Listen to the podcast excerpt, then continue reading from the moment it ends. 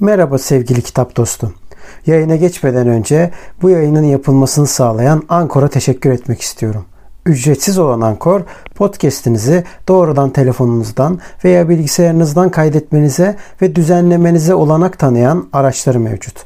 Ankor, podcast'inizi sizin için dağıtır. Böylece Spotify, Apple Podcast ve daha pek çok yerde sesiniz duyulabilir. Üstelik minimum dinleyici olmadan podcast'inizde para kazanabilirsiniz. Tek bir yerde podcast hazırlamak için ihtiyacınız olan her şey Ankor'da. Yayına geçmeden önce hadi vakit kaybetmeden ücretsiz Ankor uygulamasını indirin veya başlamak için ankor.fm'e gidin. Şimdi podcast'ime geçebiliriz.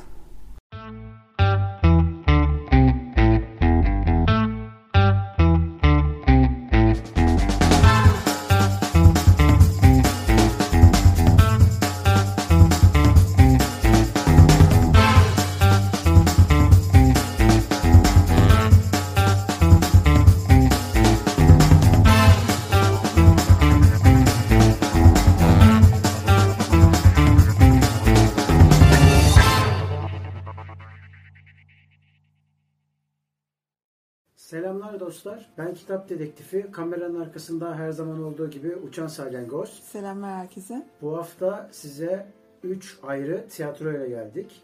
Ve bu 3 ayrı tiyatrodan Shakespeare'in 2 tiyatrosunu sadece bu bölümde çekeceğiz. Bir diğer tiyatroyu da diğer bölümde ayrıca çekeceğiz. O yüzden şu videonun konusu Shakespeare. Shakespeare'in iki tiyatrosu derken Zorlu PSM'de bir tanesine gittik. Haluk Bilginer'in oynadığı Kral Lear isimli bir tiyatro kendisi. Bir diğeri ise Tarla Kuşuydu Juliet isimli Engin Alkan'ın yönetmenliğini ve başrolünü oynadığı bir tiyatro. Şimdi öncelikle her zaman olduğu gibi hızlıca iki tiyatronun da konularına değineyim. Kral Lear'ı aslında Shakespeare'in eserlerinden biliyoruz. Bunların günümüzdeki şekline uyarlanmış hali gibi düşünebiliriz. Bürokrasinin bürokrasi boğması gibi yorumlayabiliriz. Aslında o dönem tabi bürokrasi mi vardı diyebilirsiniz. O zaman şöyle yorumlarım aristokrasinin aristokrasi olması yani kendi yarattığı aristokrasinin aristokrasinin ta kendisini boğmasını anlatan ve buradaki aslında durumları teşhir eden bir çok güzel tiyatro diyebiliriz. Birazdan detaylara geleceğim. Sadece özet olarak konuyu bu şekilde yorumlayabiliriz. Bir diğeri ise Tarla Kuşuydu Juliet'te ise aslında Romeo ile Juliet yine Shakespeare'in eseri olan Romeo ile Juliet biliyorsunuz en sonunda intihar ediyorlar. İkisi de zehir içiyor ve intihar ediyor. Burada zehri içmeyip evlenip hayatlarına devam ettikleri zaman aradan çok zaman geçiyor ve bu sırada bir çocukları da oluyor ve bu çocukları olduktan sonraki başlarına gelen maceralardan bahsediyoruz. Çocukları bir ergen oluyor. Bu ergenlik sonrasında yaşanan durumlar burada diğerinden farklı olarak komedi ve bu yönüyle de aslında Shakespeare'in ruhu da sürekli olarak Romeo ile Juliet'i bir şekilde rahatsız ediyor.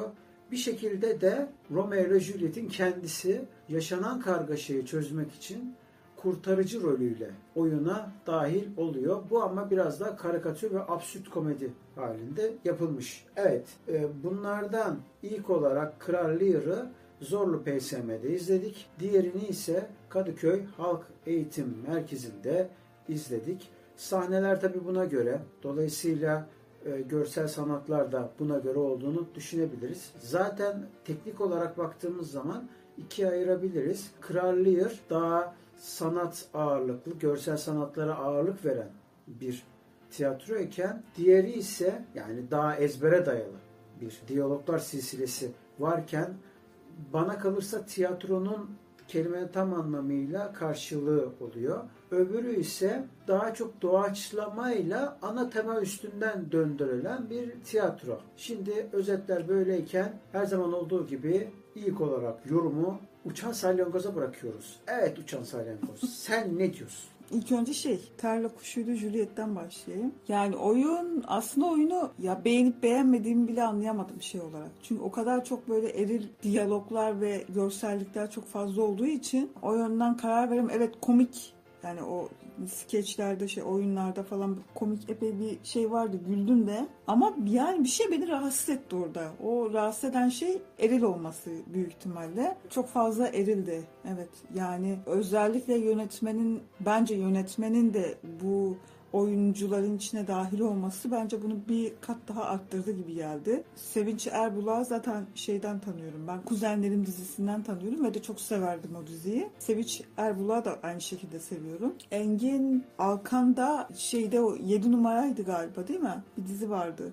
Çok fazla dizide oynadı da bir E, Ama en oydu. bilindik benim en sevdiğim tanesi de oydu. 7 numaraydı yani işte üniversite öğrencilerinin galiba bir evde kaldığı bir yerdi. Karı kocanın olduğu bir evde. Onda mesela o diziyi çok severdim. Orada da güzel oynuyorlardı. Ama gerçekten şeyde Tarla Kuşuydu Juliet'te hiç beğenemedim. O yönden yani. Eril olması yönünden. Bir de şey dikkatimi çekti. Mesela üç tane e, farklı zaman dilimi bir araya gelmiş gibiydi. Shakespeare'in zamanı yani Shakespeare'in olduğu kıyafet şeyiyle birlikte Shakespeare'in olduğu o dönem zaman. Bir de işte Romeo ile Juliet'in olduğu o dönem zaman. Bir de kızlarının olduğu sen kız kızlarının olduğu o dönemde sanki birazcık daha Günümüz günümüz e, şeyine yakındı.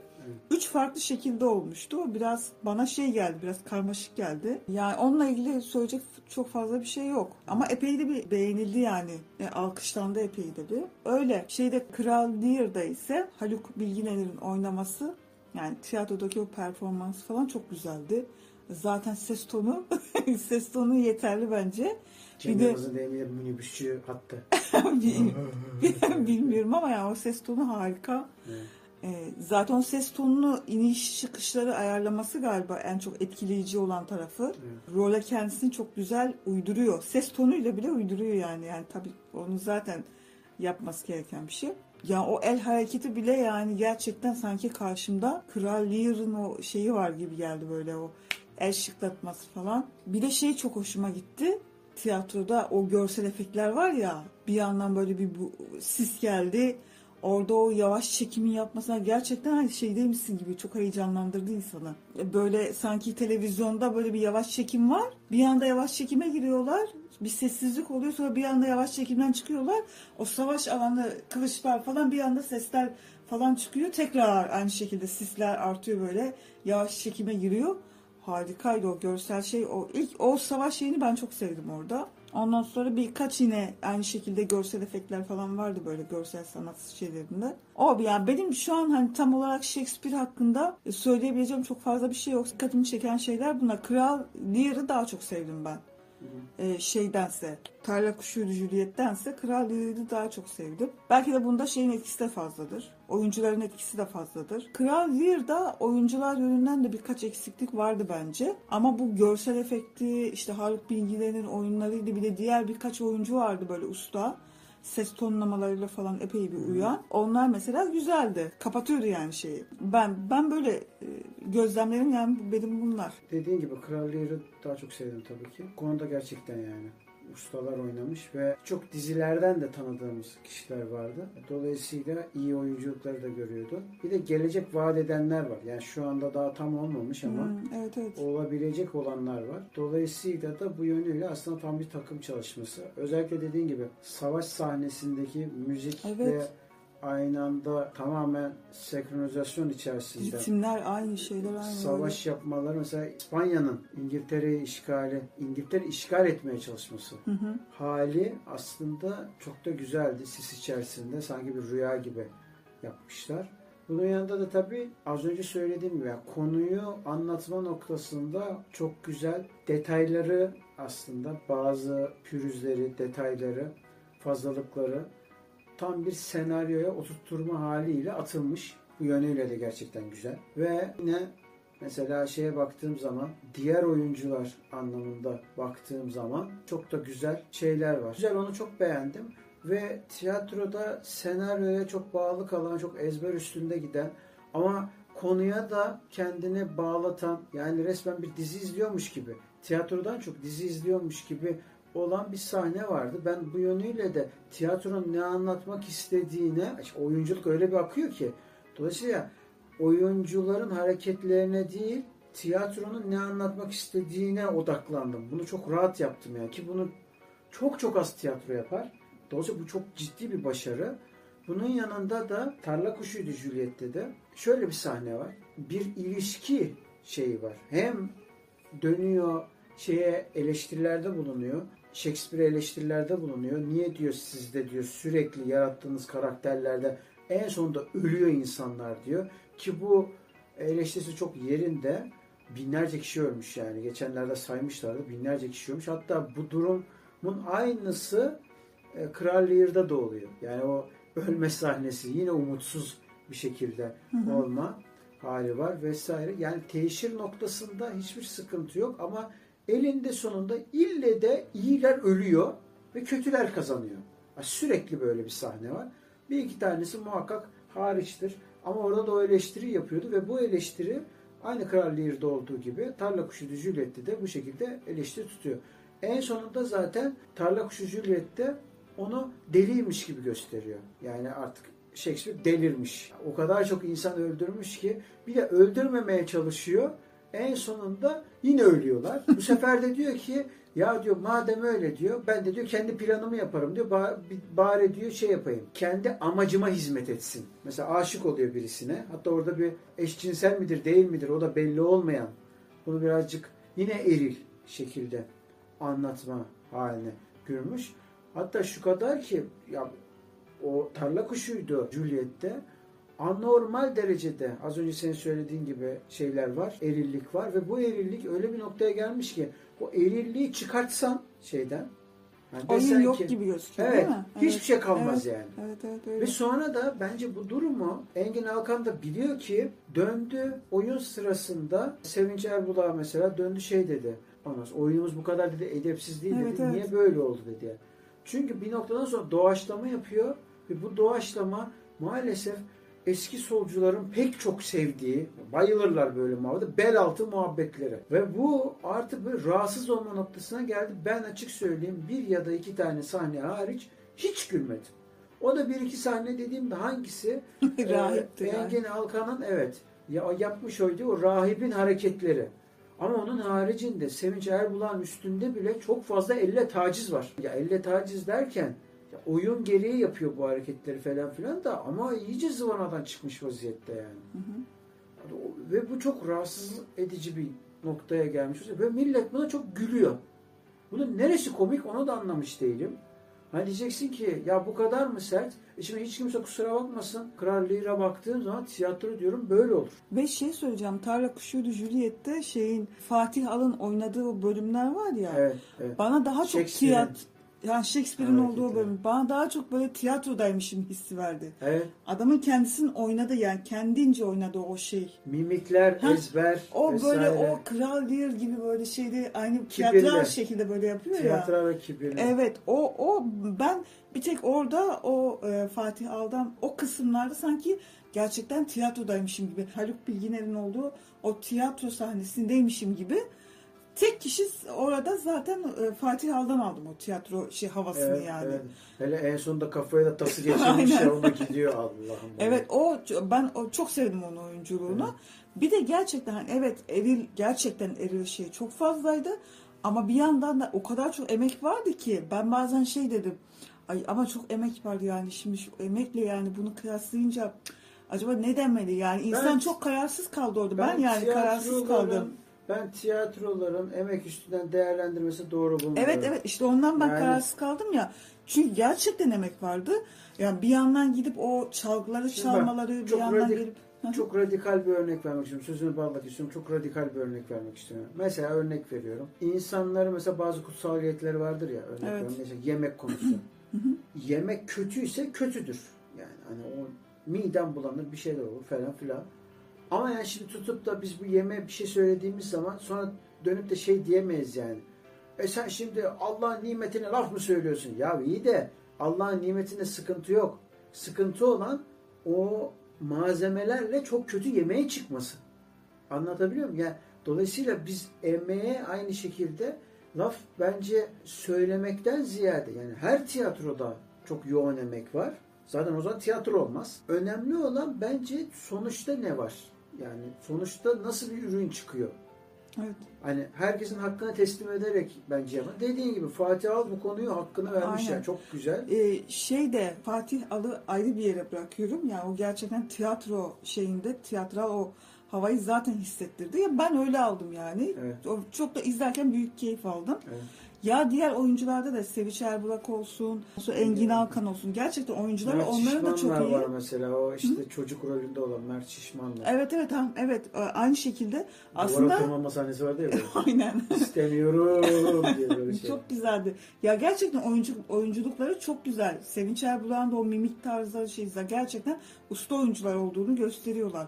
Ama gerçekten bir tek Fatih Al'ın o tiyatro e, görünüşü, sözler, şeyler olsun, her şey olsun. O bana sadece tiyatrodaymışım hissini verdi. Evet. Diğer e, oyuncuların o hissi hissi vermedi yani. Sanki normal dizi değil, dizi izliyormuşum da öyle bir işte komedi dizisi. Enteresan Ay bir şey var. geldi bana. Ben uzun zamandan beri pandemiden dolayı uzun zamandan beri tiyatroya gidemedim. Ama Harem Kabare haricinde hiç gidemedim. Evet. Mesela o sahne de dahil olmak üzere diğer sahnelerde de anlatamadığım bir şekilde yani kelimeye dökemediğim bir şekilde tiyatroları çok ciddi bir şekilde tiyatro olduğu çok belli roller vardı. Yani evet evet evet. rol yaptığına Aynen. dair şey vardı. Şimdi ben Harem biraz öbür var. tarafa geçmek istiyorum şey Hı hı. için. Kral Lear'a geçmek istiyorum. Sen elbette ki istediğin zaman öbür Tabii konu şey. Tamam. Bilirsin. Ee, Kral Lear'da mesela Haluk Bilginer'de asla ve kata rol yaptığı belli değil. Ay evet ve bak ya. az önce belirttiğim gibi diğer ekip de bunun içine dahil. Hı hı. O kadar ki ya elbette ki bir iki tanesi vardır yani onu bir şey söylemiyorum da. Mesela vardı bir tane kadın vardı. Kadın oyuncu. Kardeşlerinden bir tanesi. Gerçi sen onu sevdin ama ben çok sevmedim onu. Hangisi? Rol yaptığı hatta iki kardeş. Normalde üç kardeşler. İkisi bu kötü olan ikisi var ya. Ondan sonra Kötü olan ikisinden birisiniz ben çok sevmiyorum yani şey Yani olarak. bariz- Hep aynı mimikler şeyler. bariz bir şekilde şey var yani böyle rol yaptıkları çok belli ya. Hmm. Böyle konuşmaları falan böyle şey falan vesaire. Ama mesela Haluk Bilginer değil. Evet, Bunlardan evet. değil yani. Ya da mesela diğer adam var. Mesela bu damat var. Damat değil. Öbürü var mesela kötü karakterde komutan olan var ya. Hı hı. Zaten adam manyak olmayı yani rolü gereği manyak olması lazım. Adama manyak zaten. Yani o hareketler falan o yüzden öyle yani. Mesela, Şey bir de Edgar diye bağıran birisi vardı ya. evet. Evet, O işte onu diyorum. Onu komutan değil o. mi? İsimlerini işte karıştırıyorum onları. O mesela çok güzel oynuyordu. O da güzel oynuyordu yani. Evet evet. evet. Aslında yani oyuncularında çok sıkıntı yok birkaç kişi dışında. Çok güzel oynuyorlardı. Ve senkronizasyon Evet. harika. Harikaydı. Harika. O mesela, mesela- müzik söylüyorlar ya Hı hı. hep beraber yalakalarla çıkıyor Ha, ormana evet evet. O sıra mesela halbuki orman yok orada. Hı hı. Orman olmadığı halde öyle bir yapıyorlar ki sen diyorsun ki ormandalar orası. Ve müzikle de yapmıyor bunu. Hareketlerle yapıyor. Ava gitti mi diyor. Sadece bir kelimede avdayız diyor. Sadece bir direkt kafada orman canlanıyor ve bunun üstünden gidiyor falan böyle vesaire. Şey hmm, şapka takıyorlardı kırmızı şapka. Evet. Onun anlamı neydi acaba? Ben bir ara şeye benzettim aynı. Yedi cüceler yedi cücelerle birlikte ormanda. o Olabilir. hissi verdim yani. Tabii çok Olabilir. alakalı mı alakasız mı bilmiyorum da. Kırmızı O anda öyle hissettim. karşımıza çıkmaya başladı bu Evet arada. çok ilginç bir şekilde. Mesela diğer tiyatroda da şimdi bu Hmm. videonun konusu değil ama diğer tiyatroda da mesela kırmızı vardı sürekli. olarak. Şirin babalara benzettim mesela şirinlere. Evet, evet. Öyle bir Kırmızının anlamını zaten yani bunu izleyenler zaten biliyordur. Ama yine de söyleyelim. Hatta sen de ek yapıyordun üstüne.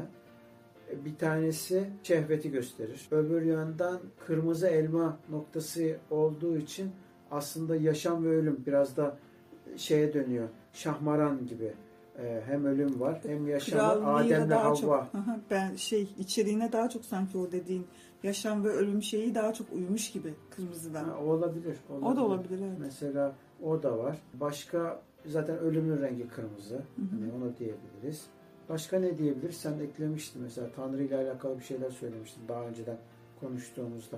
Krallığı özelinde demiyorum. Şeyde Kırmızı ama üzerine. o, o e, Mesela neydi ama? cadılarla ilgili konumuzda Tamam iyi o. O dinle ilgiliydi yani ama o e, e, Fransa'ya özgüydü galiba.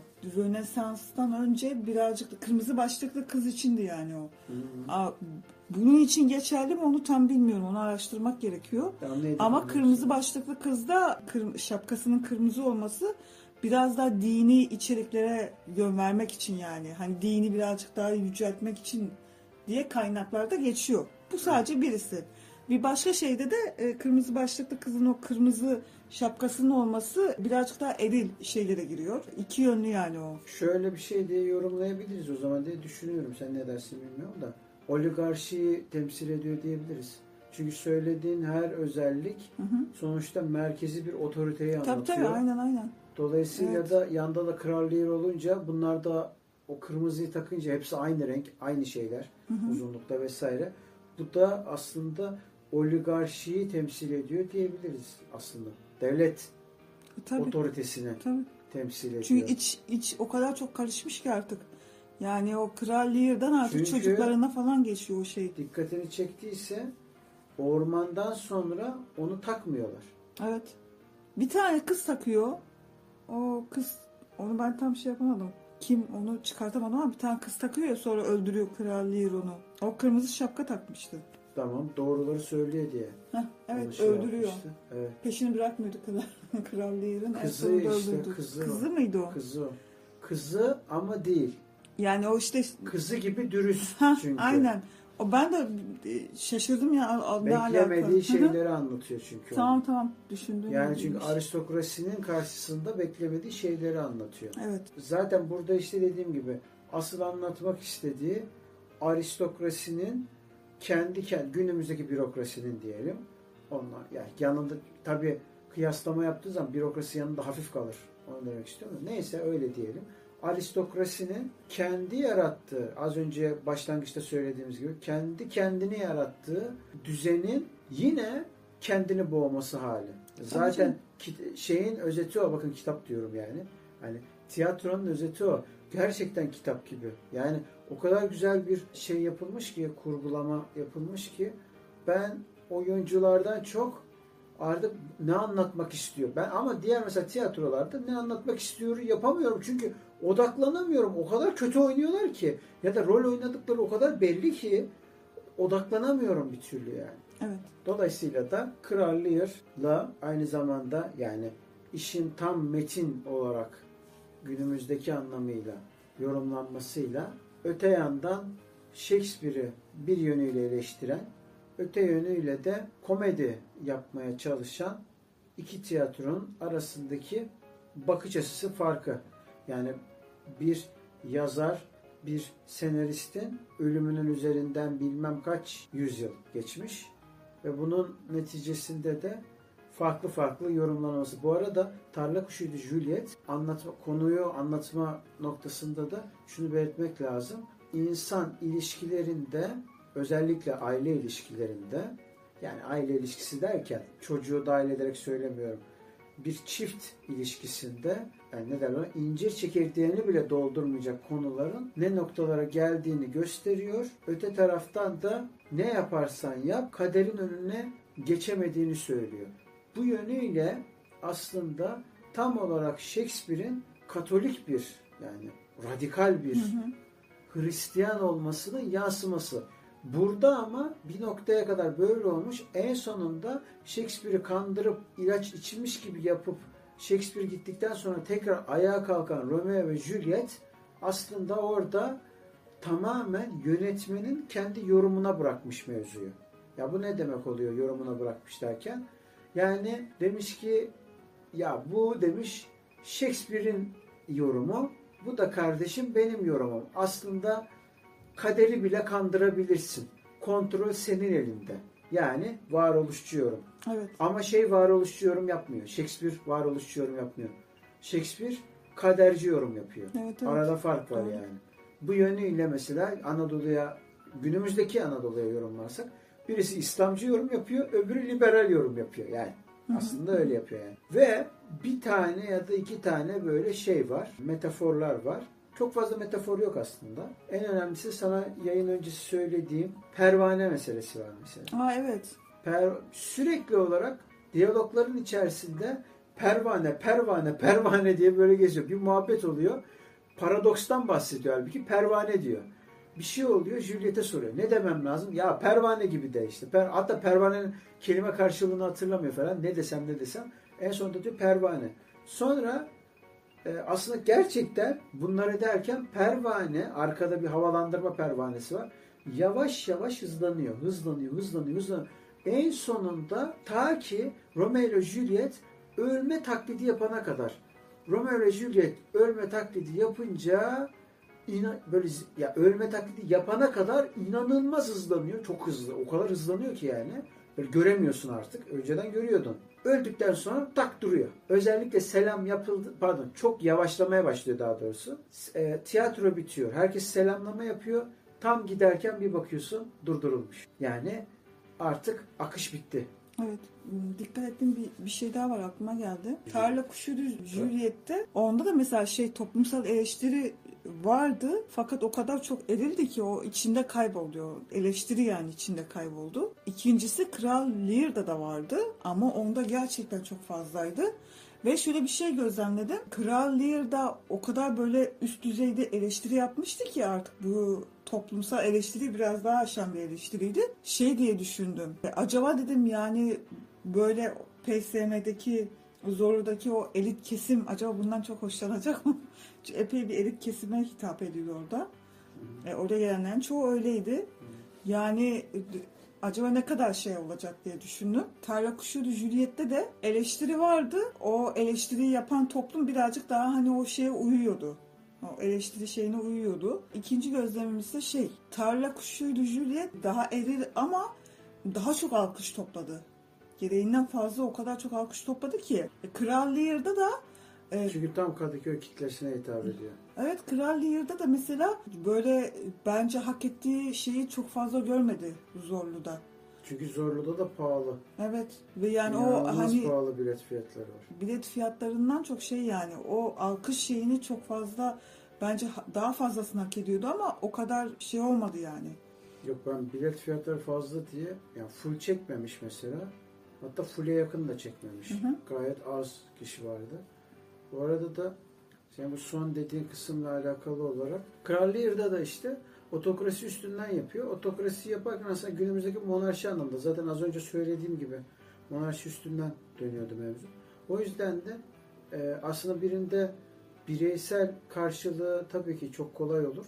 Ama öbüründe politik bilimlere, yani siyasal bilimlere daha çok şey olması lazım. Türkiye'de de bizde her zaman söylediğim bir eleştiri var ya, şöyle bir şey söylüyorum yani bir şeyi ağzından çok düşürmüyorsa herhangi bir oluşum, varlık, kişi, kurum neyse yani örnek veriyorum. Laikliği ağzından çok fazla sakıza çevirmişse ne desen laikliğe bağlıyorsa kesin kendisi layık değildir yani. Hani net yani. Ya da mesela din konusunda da böyle. Ya da efendim politika konusunda da böyle. Her ne olursa olsun. Dolayısıyla da bunda da aynı şekilde çok fazla siyasetten bahsettiği için aslında yaptığı dediğim gibi bu tespiti herkes yapamaz. Kendimizi övmek için söylemiyorum. Öyle bir niyetim yok. Haddim de değil zaten. Sadece şu anlamda söylüyorum. Yani otokrasiyi yaratıp sonra o otokraside boğulduğunu fark etmek ancak bizim gibi siyaset bilimiyle çok yakından ilgilenenler tarafından fark edilir. Onun haricinde Lear, Shakespeare mi? O zaten güzeldir o. Çünkü o Shakespeare'dir. Bir de Haluk Bilginer de varsa kesin güzeldir. Evet. Yargısıyla gidiyorlar. Halbuki orada verdiğim mesaja bakmıyorlar. Şey ama öyle değil. Öbürü tarla kuşunda öyle değil. Tarla kuşuna karşılık bulur. Niye bulur? Çünkü tar, e, Kadıköy yani şeyin yapıldığı, tiyatronun yapıldığı Kadıköy tamamen eski solcu kaynıyor. Ya her taraf eski solcu kaynıyor. Ya yer gök dağ taş eski solcu. Ve eski solcularda şöyle bir özellik vardır. Bel altı muhabbetlere bayılırlar. Dolayısıyla hepsi erildir. Ve işin komik tarafı da mesela Twitter'da, sosyal medyada, Instagram'da ağızlarından anti erilliği düşürmezler. Efendim bu dediğin eril cümledir. Bu yüzden şey böyle. Sürekli duyar kasarlar. Ve bu duyar kasmalar az önceki söylediğimin e, paralelinde de şöyle bir noktaya evrilir. Bel altı espri yaparsın. Ya bel altının neresi espri diyeceksiniz. Doğru. Ama sonuçta bel altı tırnak içerisinde espri yaparsınız ve bu yaptığınız espriler neticesinde de karşı taraf ha kakaka kikiki diye güler.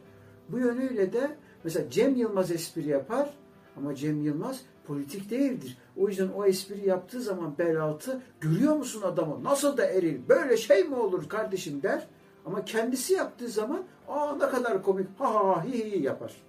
Evet ilginç bir şekilde yani ben tam o eski solcu şeyini onun hakkında bir yorum yapamayacağım ama kendi gözlemime dayanarak işte yani Tarla Kuşuydu Juliet'te de hem erillik çok alkış topladı hem de o verdiği şey toplumsal eleştiri alkış topladı ikisi birlikte. Haluk Bilginer'in oynadığı Kral Lear şeyin oyununda da orada daha da fazla bir aslında toplumsal eleştiri vardı daha üst düzeydeydi.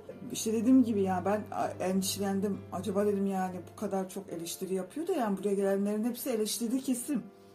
Nasıl bir tepki alır diye e, şey yaptım ama hani e, ve hakkını vermediler bence o alkışlamada da hakkını vermedi. Anlamamışlardı E, çünkü. Evet ve e, mesela önümüzdeki birkaç kişi vardı böyle. Şeyin ortasında, oyunun, tiyatronun ortasında girip çıktılar, bir şeyler getirdiler. Böyle sanki hiç etrafında başka kimse yokmuş gibi kendilerinden başka. Ya şunu Bir rahatlık vardı ben. yani bu içmeler, gi- Şey, şey şunu yapmalar. duydum ben en sonunda.